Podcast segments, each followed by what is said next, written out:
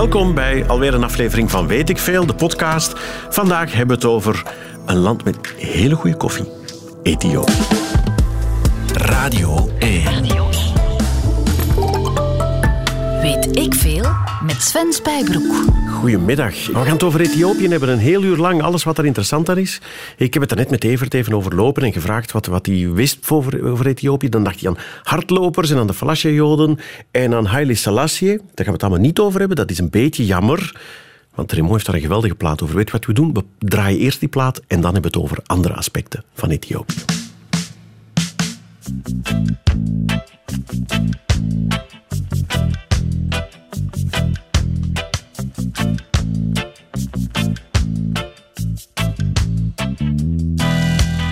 Haile Selassie, een keizer, ja dat was. Ik zag het op zijn passie.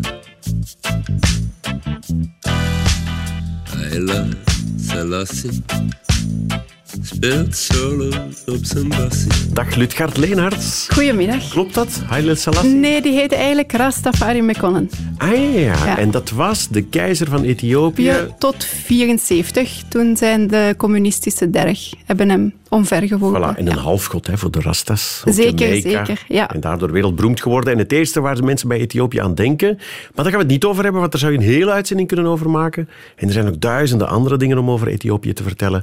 Eh, voor de luisteraars, Lutgard Leenaerts is, eh, ik mag jou Ethiopiologe noemen, toch? Ja, kan. Ja. Ja, en je woont in Noorwegen. Inderdaad, ja. Dus, eh, Een beetje raar. hè, dat is inderdaad een beetje raar. Ehm, ik, eh, ik heb sinds eh, 2008 gedoctoreerd aan de KU Leuven op Ethiopië. En tegen het einde van mijn doctoraat hadden de Noren dringend iemand nodig die Ethiopië goed kende en vooral de Afar-regio. En dus hadden die gevraagd, wil je niet bij ons onderzoekster worden? En ben ik dus begin 2013 naar Noorwegen verhuisd om van daaruit vooral op Ethiopië te werken. Als Grappig, hè? nog verder naar het noorden, Ja, om dus helemaal naar het zuiden. Ethiopië. Ja, ja, waar, waar ligt het ergens? Ethiopië? Ja? Eh, in de hoorn van Afrika. Ja, dat is... Ik, ik denk dan altijd, je moet eigenlijk in Noord en Oost en West en Zuid denken, maar ik Ja, denk zo- altijd in boven, onder en links en rechts. Ja, rechts. Hè. Rechts, ja, hè? rechts in, in de hoorn, in het, puntje zo. Daar in de Met hoek. Somalië, Eritrea, Djibouti. Waar ik bij eh, eh, Ethiopië altijd opnieuw eerst aan denk, is dit. Je moet eens luisteren. Weet ik veel. Nooit werd een ramp zo uitvoerig in beeld gebracht als de Afrikaanse hongersnood van 1984. In heel de wereld waren de mensen geschokt door de afschuwelijke taferelen in de televisiejournaals.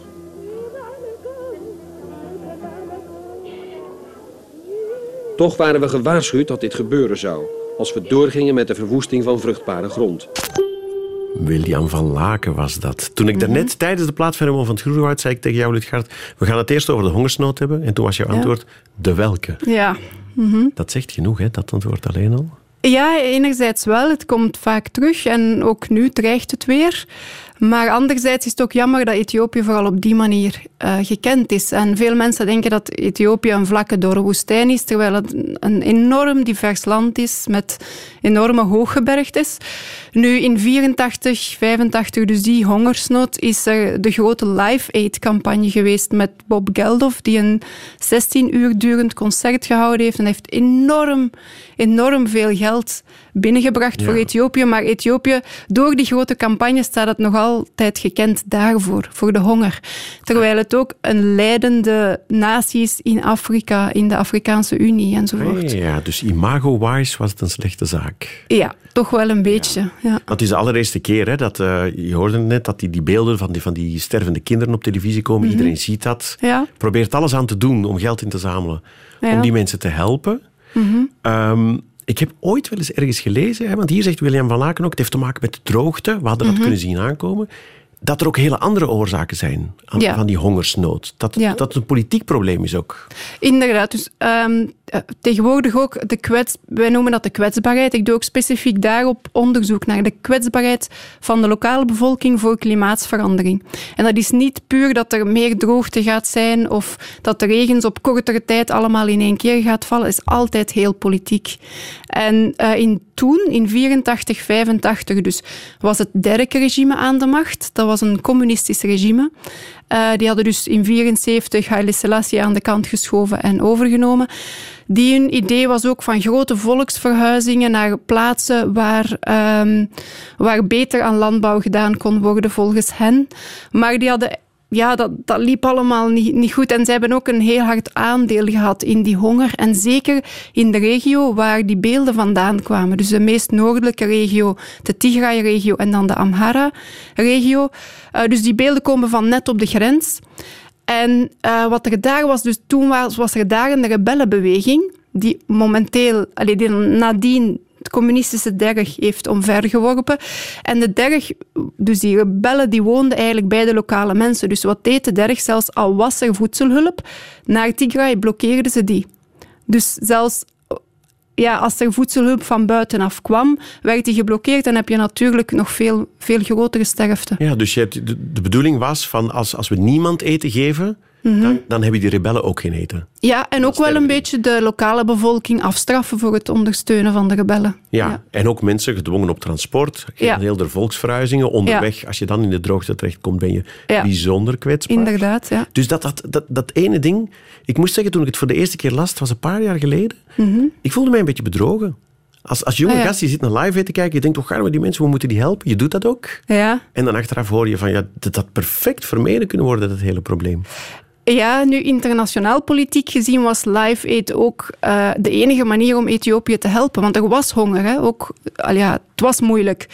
Uh, maar de, de, het was een communistisch regime. Dus ze wilden dat niet direct steunen. Ze wilden niet rechtstreeks aan de regering uh, ontwikkelingshulp bieden. Dus ook internationaal politiek gezien was dat dan een manier om toch de mensen te helpen.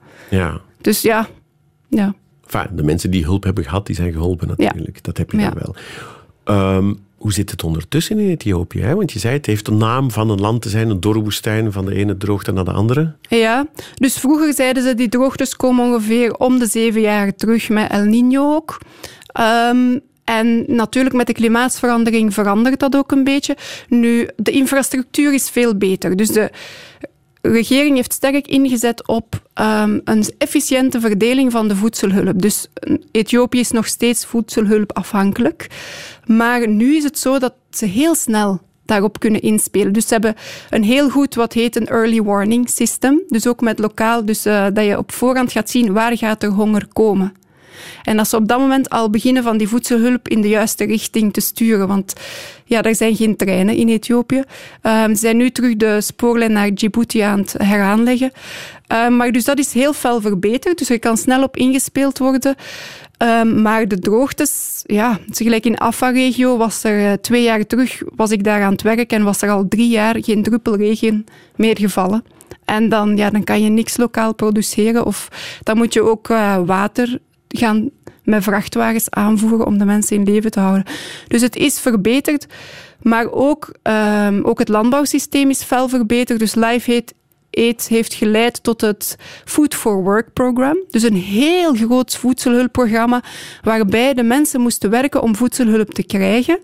En ze dus heel sterk hebben ingezet op het aanleggen van uh, terrassen op landbouwgronden om het water vast te houden. Dat het niet allemaal naar de, lijn, naar de Nijl sorry, uh, stroomt en dus naar Egypte af en ook de grond niet wegspoelt. Dus op dat gebied is er ook een ehm, verbetering van de landbouw. Ja, en dat is wat jij onderzoekt. Hoe mensen die met klimaatverandering en met toenemende droogte geconfronteerd worden, daar toch iets kunnen aan doen? Ja, ik, ik ben van voor... Eerst, mijn eerste opleiding is bio-ingenieur van de KU Leuven. Uh, maar ik ben dan overgestapt naar de sociale wetenschappen. Dus wat ik nu doe is sociaal onderzoek, maar altijd over landbouw, natuurbeheer. Dus uh, ik kijk eigenlijk meer naar die politieke factoren. Van wat maakt mensen kwetsbaar? En hoe speelt de politiek daarop in? Of hoe kunnen humanitaire programma's daar beter op inspelen? Ja, en de politieke situatie is nu een heel stuk beter dan, dan toen. Ja, zeker nu. het is moeilijk om dat zwart-wit zo te stellen, maar sinds april is er een nieuwe eerste minister aan de macht die enorme uh, positieve veranderingen aan het doorvoeren is. Die is nu vrede aan het sluiten met Eritrea.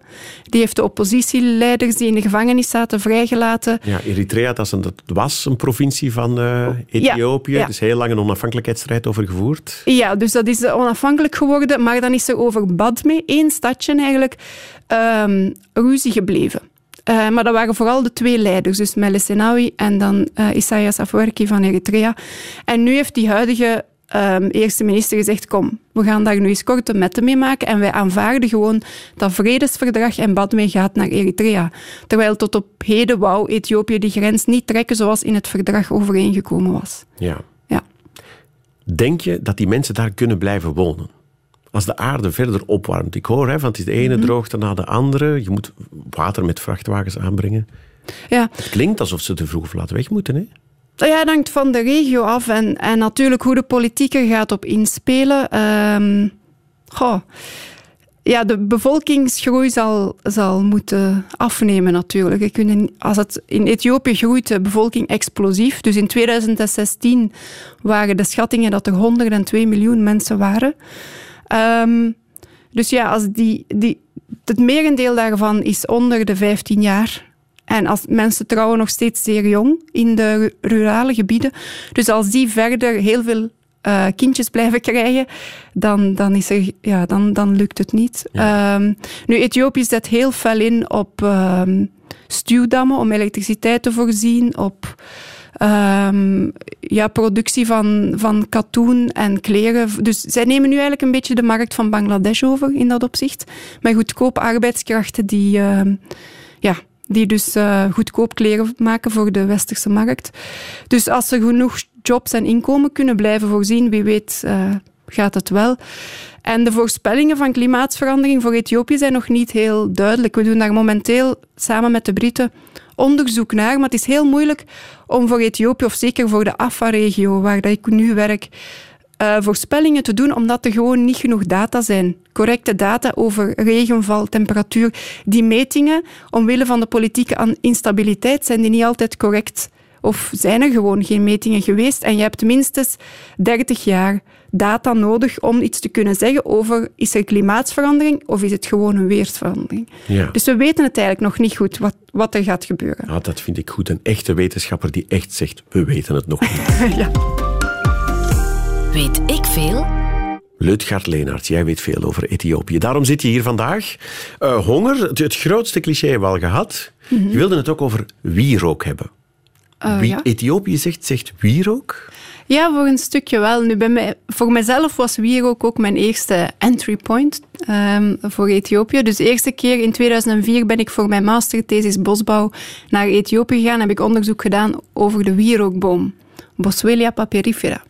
Okay. En, ja, dus dat alleen al, dat, dat komt van een boom. Die dat stokjes. komt van een boom. Dat wordt getapt van een boom. Zoals van... ja, dat rubber. zijn geen stokjes.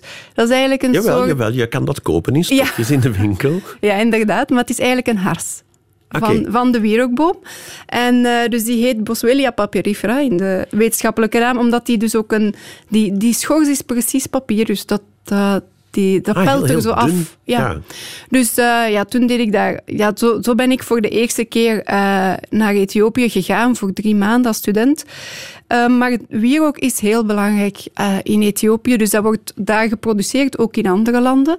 Um, en ja, wierook wordt gebruikt in de orthodoxe kerk. Mm -hmm. um, heel belangrijk, het beste wierook mag enkel verkocht worden op de markt aan priesters.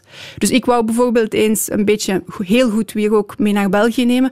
Ik mocht het zelfs niet kopen op de markt. Ja. En dan heb je ook, wierook wordt ook gebruikt bij de koffieceremonie. En koffie is een endemische plant van Ethiopië. Dus dat wil zeggen dat die van oorsprong, oorspronkelijk in Ethiopië alleen voorkwam.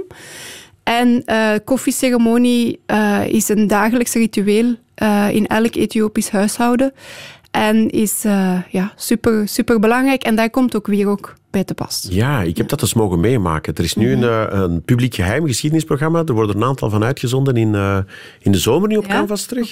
De aflevering over Ethiopië zit er spijtig genoeg niet bij. Oh ja.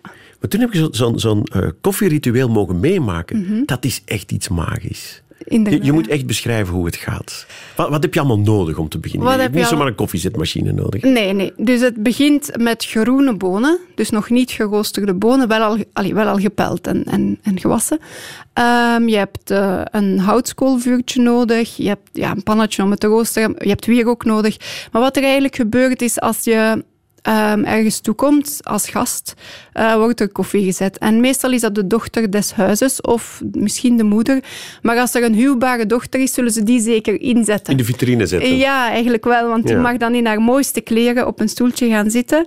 En dan worden er blaren of iets groen, gras eh, en eventueel wat bloemen in een halve cirkel rond haar gezet.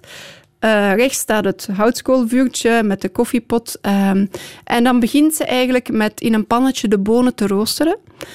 En ehm, als die dus genoeg geroosterd zijn, zal ze dat pannetje een beetje afdekken, dat die de geur eigenlijk, allee, de rook dat eruit komt, eh, goed bewaard blijft. En dan gaat ze rond bij alle gasten. En dan moet je dan naar je toe wapperen en zeggen van dank u, eh, een beetje zegenen van de koffie. En dan gaat zij die ehm, ehm, buiten, eh, want dat mag niet op de tegels als er tegels in het huis liggen, maar op de grond gewoon eigenlijk in een houten vijzel eh, pletten. Wat ook betere kwaliteit geeft dan als je ze gewoon zou vermalen. Ehm, We zijn ondertussen al een uurtje ver in dit ritueel. ja, hè? ongeveer duurt het een, een, een dik uur. Ja. Heel handig als je mensen moet interviewen, want dan zitten ze vast voor een uur. Ja, ja, het is heel gezellig. Het ruikt ook lekker naar die Eh. Het ruikt lekker, ja, want eens dat dus die koffie goed gebrand is en die rook er is, zal ze ook wierook aansteken en dan vermengt dat wierook zich met de koffie. Dus die twee geuren vermengen zich. En dat is zeer specifiek voor een Ethiopische koffieceremonie. Ehm, en ja, dan, dan wordt er dus koffie gezet. Er moet ook altijd iets van eten bij. Dus dat heet koffie is bunna en dat heet kursi bunna. Kursi is ehm, ontbijt, maar betekent eigenlijk iets kleins om te eten bij de koffie. Ja. Een praline. Allee, maar in hun geval is dat vaak gewoon brood. Of heel vaak eh, in de stadshuishoudens popcorn. Ja. Met zout of een beetje suiker. Of dat kan een beetje banaan zijn. En dan is er ook een hele discussie van wie mag het brood breken en zegenen. Dat moet normaal de oudste man zijn. Maar als die er niet is of er is een, een blanke persoon, misschien moet die het dan doen. Maar als je de cultuur goed kent, is het heel belangrijk dat je dan zegt van, allee, zeker ik als vrouw, nee, de oudere man eh, moet het breken en die gaat dan het ronddelen. En dan zal, ehm, ja, dus dan die koffie moet dan drie keer eh, uit de pot springen, eigenlijk voordat die goed doorgekookt is. Dan wordt die, moet die zakken, want er is geen, komt geen filter aan te pas. En wordt die in heel kleine kopjes opgediend in drie rondes. Ja. Dus je hebt de eerste heel sterk, de tweede bijna zoals onze koffie. En de derde is super slap. En die drink je enkel om de zegening uit te spreken over het meisje dat de koffie gemaakt heeft. Om te, haar goede studieresultaten of een goede man toe te wensen. Of, ja. Oei, Dus eh, dat ben ik vergeten. Dat hebben ze mij toen niet gezegd. ze zullen het u niet kwalijk Ik dacht, die nemen. slappe rommel, Ja. die laat ik maar staan. Ja. Ja. En dat is iets wat, wat mensen dagelijks doen? Of, of- Ja, dat hangt een beetje Enfin, van bij de ons ziet het er regio. iets uit alsof voor hele grote chique feesten. Als je zoiets Ja. moois, het ziet er echt prachtig uit. Nee, dus, eh, zo, ja, dus ik ben zelf ook getrouwd met een Ethiopiër. Mijn, man is Ethiopiër. Oké. En eh, laat ons zeggen, als wij eh, niet... Ja, als wij gewoon thuis zijn, zullen wij minstens één keer per dag zo koffie zetten. En bij al onze vrienden ehm, in Ethiopië en familie, minstens één keer per dag. Oké, en Ja. heb jij huwbare dochters? Nee, Of moet jij dan op je knieën in je mooiste ik maak vaak... Nee, we hebben het nichtje van mijn man woont bij ons als we in Mekelle zijn, dus die doet dat. En die, zij is ook huwbaar, maar dat is Ja. nu niet iets waar ik... eh, Maar ik neem aan dat er geen mannen zijn die dat doen. Ehm, nee, maar wel, eh, mijn man deed dat vroeger als jongen wel, voor zijn moeder. Dus mijn schoonmoeder doet dat drie keer per dag. Die moet drie keer per dag haar koffietje hebben, anders eh, blijft ze niet wakker, ik weet niet. Maar hij deed dat tot, tot tienerjaren, doen jongens dat wel. Ja, zeker voor, ook voor hun tante of voor mij. Of, ja.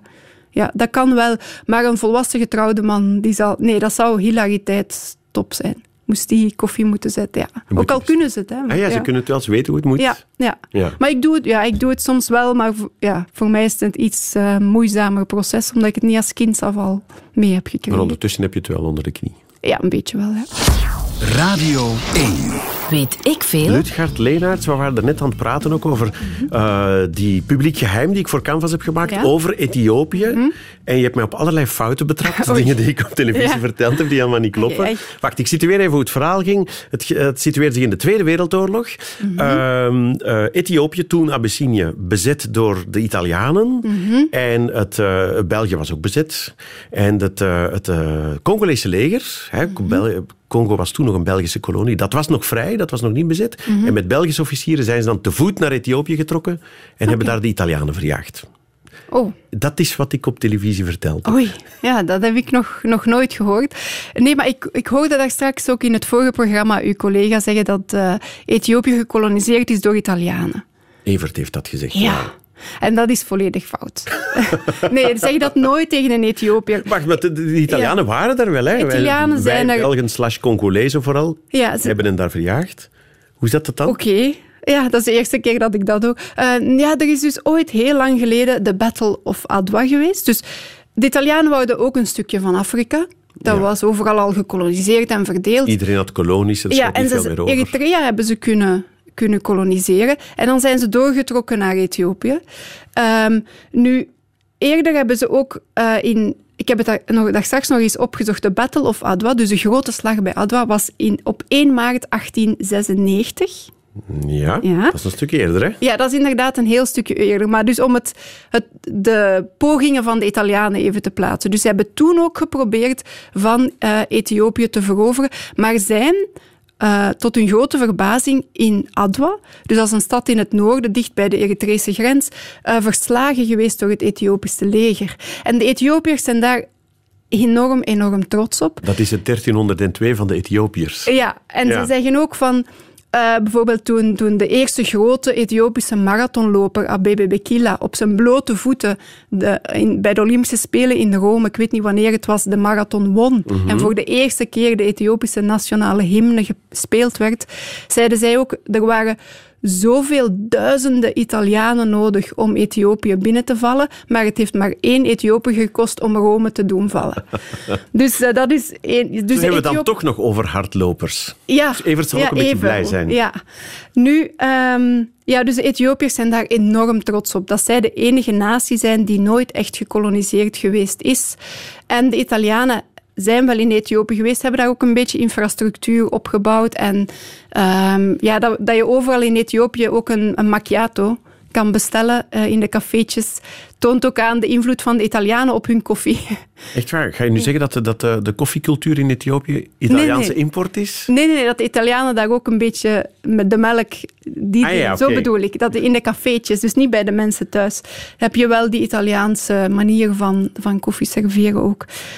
Ehm, De Afar. De Daar moeten we het over hebben Ja. ook. Wat is dat? Is dat een volk of is dat een, een gebied, een provincie? Een... ja, dat is dus de Afar-regio eh, van Ethiopië. Dus die gaat van Djibouti, Eritrea, die grens in het noorden, helemaal tot het centrum. Dat is eigenlijk zo lang gerekt. eh, het centrum aan de hoofdstad bijna. Ehm, Addis Abeba, de hoofdstad. En dat is een, een regio die minder gekend staat eh, met live aid enzovoort, omdat daar toen ook geen camera's stonden. Dat is een, de Afari, of de Afar-mensen, zijn pas, een pastoraal volk. Dus die trekken rond met kamelen en koeien en, en geiten. Alleen vooral kamelen en geiten. Ehm, en de overheid probeert die nu ook in dorpjes te doen settelen.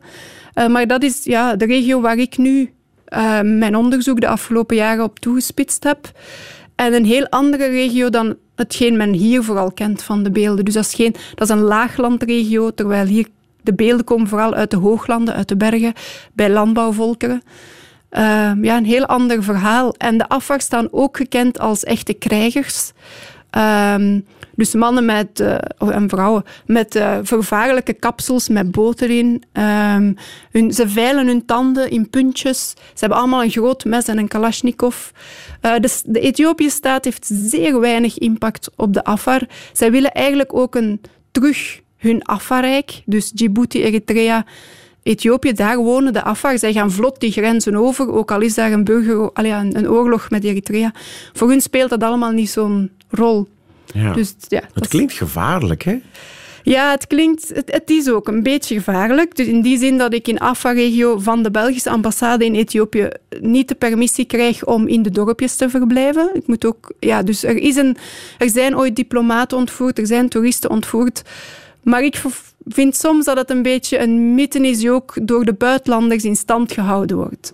Dus um, in de eerste reisgids die ik had over Ethiopië, de beste, de Brad is dat, stond over Afar um, dat die van mannelijke bezoekers de geslachtsdelen afsnijden, stond daar. Nu, Ja. ja, dus, en dat verhaal blijft zo'n beetje rondhangen bij de buitenlanders. Terwijl ik heb daar eh, tijdens mijn doctoraatsonderzoek op de grens tussen de Tigray en Afar-regio oude mannen naar gevraagd. Want wij zaten daar net op... Ik ging elke Heeft week... u uw geslachtsdelen nog? Van wat is daarvan aan, Ja. van dat verhaal? En een hele oude man, ik denk, ik- hij was al midden de 70 of tegen de 80 aan, die zei toen: Ja, ik herinner me wel, toen ik een klein manneke was, dat de mannen van Tigray, dus van de andere regio, met te paard voor een, een week of langer naar Afar gingen en dat die terugkwamen en zo met iets ja, boven hun hoofd aan het zwaaien waren. Dus dat was een beetje een overgangsrite. Als je een goede man wou worden, moest je een Afar vermoorden en zijn geslachtsdelen ter bewijs terugbrengen. En dat werd een vete en die Afar deden dat terug. Wie begonnen was, ik weet het niet. Maar het werd toegeschreven aan de Afar. Met het gevolg dat ik ook al heb gehad, dat mannelijke col- collega's zeggen van ja, Lutgert, ja, dat jij in Afar gaat werken, goed, maar wij gaan niet mee, want terwijl Afar zijn supervriendelijke mensen, superlieve mensen. Oké, die mannen dragen allemaal een groot mes, die hebben vaak een Kalashnikov, maar het zijn ja, de vriendelijkste mensen dat je kan voorstellen. Ja, het feit dat ze zo zwaar bewapend zijn, heeft dat te maken met het feit dat ze nomaden zijn en dat ze met, met vee dan en zo moeten Ja. rondtrekken? Ja. Op plaatsen waar er ook boeren wonen, die hun gewassen ook niet willen opgegeten zien? Mm, het is Dat niet zo tegen de boeren, het is eerder tegen de Isa ook van de Somali-regio en de eh Karaju van eh, Amhara-regio. De andere nomadenvolkeren. Dus dat is eigenlijk overal in Afrika met nomadenvolkeren dat die ook raids doen. Eh, zo aanvallen op elkaar om mekaars vrouwen en vee te stelen. Ah ja, onder elkaar ook. Ja, onder elkaar vooral. Eerder dat dan, dan tegen de landbouwers. Je had dus ontvoerd kunnen worden toch voor hetzelfde geld. Enfin, je bent getrouwd met een Ethiopiër. Ja, maar geen Heeft hij het vriendelijk gevraagd? Of? Heeft het zeer... eh, We hebben het elkaar gevraagd. Oké, maar dan is het Ehm, goed. Nee, nee, maar eh, ja, hij is ook niet van Afar. Maar ehm, nee, het is wel iets. Je moet er wel, in Afar moet ook niet naïef zijn. Je moet er rekening mee houden en oppassen wat je doet. Ehm, Dit soort onderzoek, hè, ik probeer me dat voor te stellen. Je gaat Mhm. dan naar daar, hè, je denkt, oké, ik ga het risico nemen, je komt er goed terecht, die mensen zijn vriendelijk tegen jou. Wat doe je dan precies? Wat vraag je dan? dan Goeiedag, hoe zijn jullie? Hoe leven jullie? Of hoe- Ja, dat hangt een beetje van uw onderzoeksvraag af. Nu, mijn doctoraat heb ik op de grens gedaan, nog net in het laatste Tigray-dorp. En daar heb ik echt twee jaar, niet aan een stuk, twee jaar gespreid over drie jaar, met af en toe een, een periode in België, in een dorpje geleefd, zoals hen. En mijn werk is van zeven uur s ochtends- s ochtends tot s avonds mensen interviewen en dan s'avonds allemaal uittypen en dan ga je dat in België analyseren. En toen had ik twee jaar, dus sprak ik over van alles, wat er ook maar in hun hoofden opkwam. Of soms kan je ook Ja. niet de vragen stellen dat je wilt stellen. Eh, bijvoorbeeld toen ik daartoe kwam, was er net een begrafenis van vier jongens zonder lichamen. Omdat door de droogte en het te groot eh, bevolkingsdruk op het land, kregen jonge boeren geen land meer. Dus die zeiden, wij kunnen hier niet overleven. Dus die gingen illegaal naar de Arabische, naar de golfstaten om daar in de bouw te werken, de jongens of de meisjes als meid. En die vier jongens waren niet teruggekeerd, die waren overboord gegooid op de Rode Zee, omdat dus dat bootje begon te zinken. Het zijn gelijkaardige toestanden als wij hier in het Als nieuws zien. Ja. hier op de Middellandse Zee ja, gebeurt. inderdaad.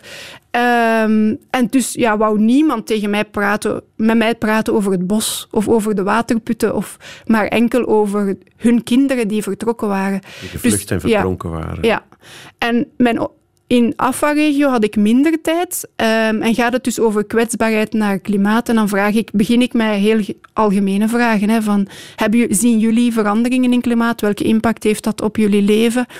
Het moeilijke in Afar, omdat zijn moslims, zeer traditioneel, eh, is om vrouwen te interviewen over gender issues, gender issues Ja. zoals besnijdenis of zo. Nu, ja, in licht van mijn onderzoek naar klimaatsverandering speelt dat iets minder mee.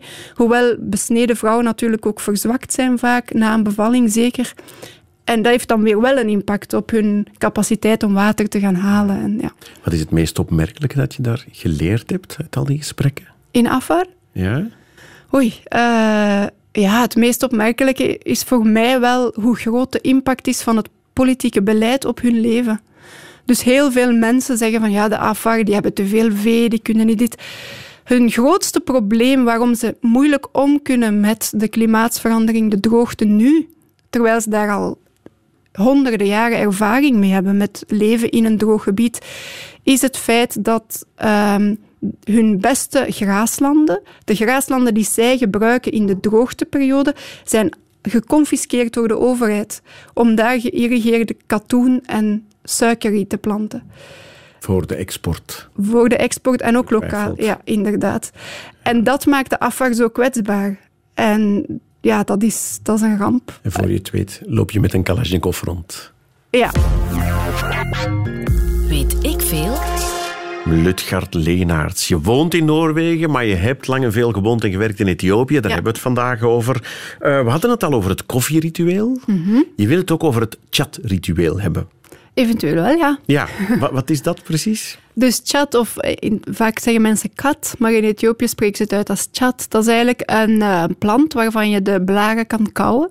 En in de Afar-regio, waar dat we het daar net over hadden, is dat ritueel veel meer aanwezig dan, dan, in, eh, dan het koffieritueel, waar we het eerder over hadden. Ja. Nu, chat is, dat stimuleert, dus vaak... Dat is een soort drugs, hè? Ja, inderdaad. toch? Ja, ik heb het zelf nooit Het zijn blaadjes van een geprobeerd. plant die gekuit worden. inderdaad. En dan krijg je een soort, zoals coca-bladeren of zo'n beetje dat effect. Ja, dus eerst is het een beetje zo, ja, maar dan sterker dan koffie, hè. Eh, concentratieverhogend. Dus wordt ook heel veel gekoud door studenten in steden waar dat er chat rond ligt, er chatvelden rond liggen. Wordt heel veel eh gekoud door buschauffeurs, camionchauffeurs, om, om nachtenlang door te rijden. Niet altijd succesvol, want er zijn heel veel eh, ongelukken. Ehm, maar de Afar hebben dat ook een beetje als religieus ritueel ingebouwd. Dus eh, de Maar Afar het is zijn dus niet moslim. dat je, er, dat je er, zoals marihuana, een beetje zweverig van wordt. Nee, dus in eerste Tegendeel, instantie word je gefocust, gefocust. van. Eh, en, en dan na een tijdje, als je blijft kouwen, denk ik dat je wel een beetje lethargisch wordt. Ehm, en ja, ik heb één keer iemand agressief gezien die chat gekauwd heeft, maar dat is uitzonderlijk. Dat was dan eerder die persoon. Maar het kan echt wel eh, mentaal u een beetje gek maken op, op de duur. Eh, en ik heb gehoord van, van andere collega's, eh, niet-Ethiopische collega's, die het geprobeerd hebben. En die zeiden van, ja, ik voelde mij als een geit. Omdat je zoveel blaren moet kauwen voordat het effect begint te hebben. Ehm, nu wat, ja. Dat is wat mensen wel dag in dag uit doen. Ja, dus bijvoorbeeld tijdens het werk in Afar had ik het pro- een probleem. Ja. Mijn vertaler die was ook eh, chat verslaafd. Eigenlijk, die had dat dagelijks nodig, zoals ik dagelijks mijn kopje koffie nodig heb. Dus na het middaguur kon hij eigenlijk zich niet concentreren om te vertalen als hij geen chat had. Dus, wat deden, dus hij had het nog als concentratiemiddel nodig. Ja. Dus wat deden wij dan? Na de middag gingen we altijd een oude man interviewen, want oude mannen die hebben standaard in Afar chat na de middag. En die zullen altijd het bezoek uitnodigen, zeker de mannen. Die het is meer een, ja, inderdaad. Dus dan... Nu, het probleem is als, als sociaal onderzoeker, eigenlijk mag je geen mensen interviewen die onder invloed zijn van drugs. Dat is ethisch niet dat heeft veranderd. afspraken. Ja. Ja, oké. Dat is eh, door- Nu, dan moet je inschatten natuurlijk hoe, hoe ver zijn zal. En die mannen, als die dat dagelijks kouwen en je bent aan het begin van het ritueel, zijn die gewoon nog extra gefocust. Of dat is mijn uitleg dan. Ja, en wat, wat is het ritueel precies? Behalve gewoon Ja, dus nu combineren ze dat ook met de koffie. Eh, maar het is echt lang uit op matten liggen ehm, en ja, praten, praten. Zoals zo bij de koffie ook. Het ritueel is vooral om... Alles wordt beklonken bij een koffietje of bij een chat. Met een, een, een kou... Ja. Ja. Dus als je bijvoorbeeld eh, in, in Ethiopië een huis bouwt, dan ga je met je architect over koffie drinken in straat, niet op die zijn bureau. Dus die- dat is allemaal ja, gelijk dat in Japan, de theeceremonie, of, of bij ons misschien een goede maaltijd met frietjes en weet ik Is goed gaan eten, ja. Ja, ja, Om zo. een aantal dingen Ja, uit te praten. ja. Of, eh, Ja, dus zeer belangrijk in het sociaal weefsel eigenlijk. Ja. maar dat, dat chatkouwen, is dat dan iets wat, wat iedereen doet? Of wat wijdverspreid is? Of is het echt gewoon een klein groepje drugsgebruikers? Of hoe moet ik het Nee, zien? nee, dus in Afar is het onder de mannen koud bijna iedereen. Ehm, nu, in de andere gebieden van Ethiopië, waar het vroeger tien jaar geleden in Mekelle, de hoofdstad van Tigray, zag je dat niet. Dat was echt in het verborgen. Het is ook, ook niet toegestaan officieel. En nu zijn er openlijk een hele straat chathuizen waar je kan gaan chat eh kouwen. En het wordt ook geëxporteerd. Het heeft ook een, een heel impact op het landbouwsysteem, want het is een, een cash crop, dus een winstgevend gewas. Dus boeren schakelen over van eh, gewassen om zichzelf mee te voeden op chat. wat dan een invloed heeft op de waterhuishouding, want Tjaad heeft redelijk veel water nodig uh, enzovoort. Ah ja, en als Ja. die boeren dan eten willen, dan moet het weer van ergens anders Moeten ze komen. dat gaan kopen, ja. Ja, ja. ja dat, dat is wel vreemd, hè? Dat is inderdaad dat is zeer beangstigend. Ik vind het, ik, ja, ik vind het echt in sommige steden is het bijna een kanker van de samenleving aan het worden. Want het begint bij studenten als Het stimulatiemiddel. lijkt iets heel onschuldigs. onschuldig. En dan worden ze echt verslaafd en het kost geld. En het maakt je, als je echt verslaafd bent, lethargisch. Dus mensen, chatkouwers, die komen niet opdagen op het werk na de lunch, na het middageten. Die, ja, dus op die manier is het echt... eh, Ontwricht het zo'n hele ja, samenleving. ook. ja, dat vind ik wel. Ja. Het feit dat jij het niet gebruikt hebt, is dat gewoon uit, uit voorzorg, omdat je zo slim bent om te denken, ik ga het niet doen? Of heeft dat te maken met het feit dat je een vrouw bent of een buitenlander? Of... Ja, beide. Dus ik ben zelf sowieso niet buiten koffie, eh, niet, zo, niet geïnteresseerd eh, om, om het echt te proberen. En ook omdat ik ben daar, ja, als ik in Ethiopië ben, ben ik meestal aan het werk. En ja, dan wil ik niet. Ja, ga ik ook Ja. geen alcohol drinken. Of, ik had het natuurlijk s'avonds eens kunnen proberen. Maar dan als vrouw is het sowieso al minder. Nu, als westerse vrouw heb je zo'n statuut tussen man en vrouw in. Maar dan vind ik ook, ja, ik zit al in een onveilige regio, dan ga ik niet s'avonds nog eens mijn groepje mannen chat gaan Nee, kouwen. Oké. beetje, ja. Lutgard Lenaars, we hebben nu een heel uur over, over eh, eh, Ethiopië gepraat. Mhm. We zijn begonnen met, met het droogteprobleem, we zijn geëindigd met een drugsprobleem. Dat is een beetje zielig. Hè? We, Ja. hebben, we hebben nog een minuut. Ik herinner mij vooral, ik vind dat er iets hoopvols moet, of iets heel moois. Ja. Ik herinner mij dat het een prachtig land is. Het is een prachtig land qua cultuur, natuur, diversiteit enorm. En ook uh, huidige toestand in Ethiopië is heel hoopvol. Dus op 4, uh, op 2 april sorry, is er een nieuwe eerste minister aan de macht gekomen. Dus de, Ja, voorgaan, dus de eerste minister heeft alle macht in Ethiopië. Ja. Dat is eigenlijk de president. Er is een president, maar die heeft geen functie. En als ik jou bezig hoor, is deze keer een goeie of op zijn minst een minder Ja, slechte? heel hoopvol. iets- Die, die iets goeds de, kunnen van de komen. interne twisten zou kunnen Ja. oplossen. Laat ons hopen Ja. dat Ethiopië met veel goed nieuws in het nieuws komt. Hopelijk, ja. ja. Lutgard Lenaars, dankjewel. Radio 1. Weet ik veel? Dit was Weet ik Veel, de podcast. Een aflevering tussen de vele. Je vindt ze allemaal terug op radio1.be.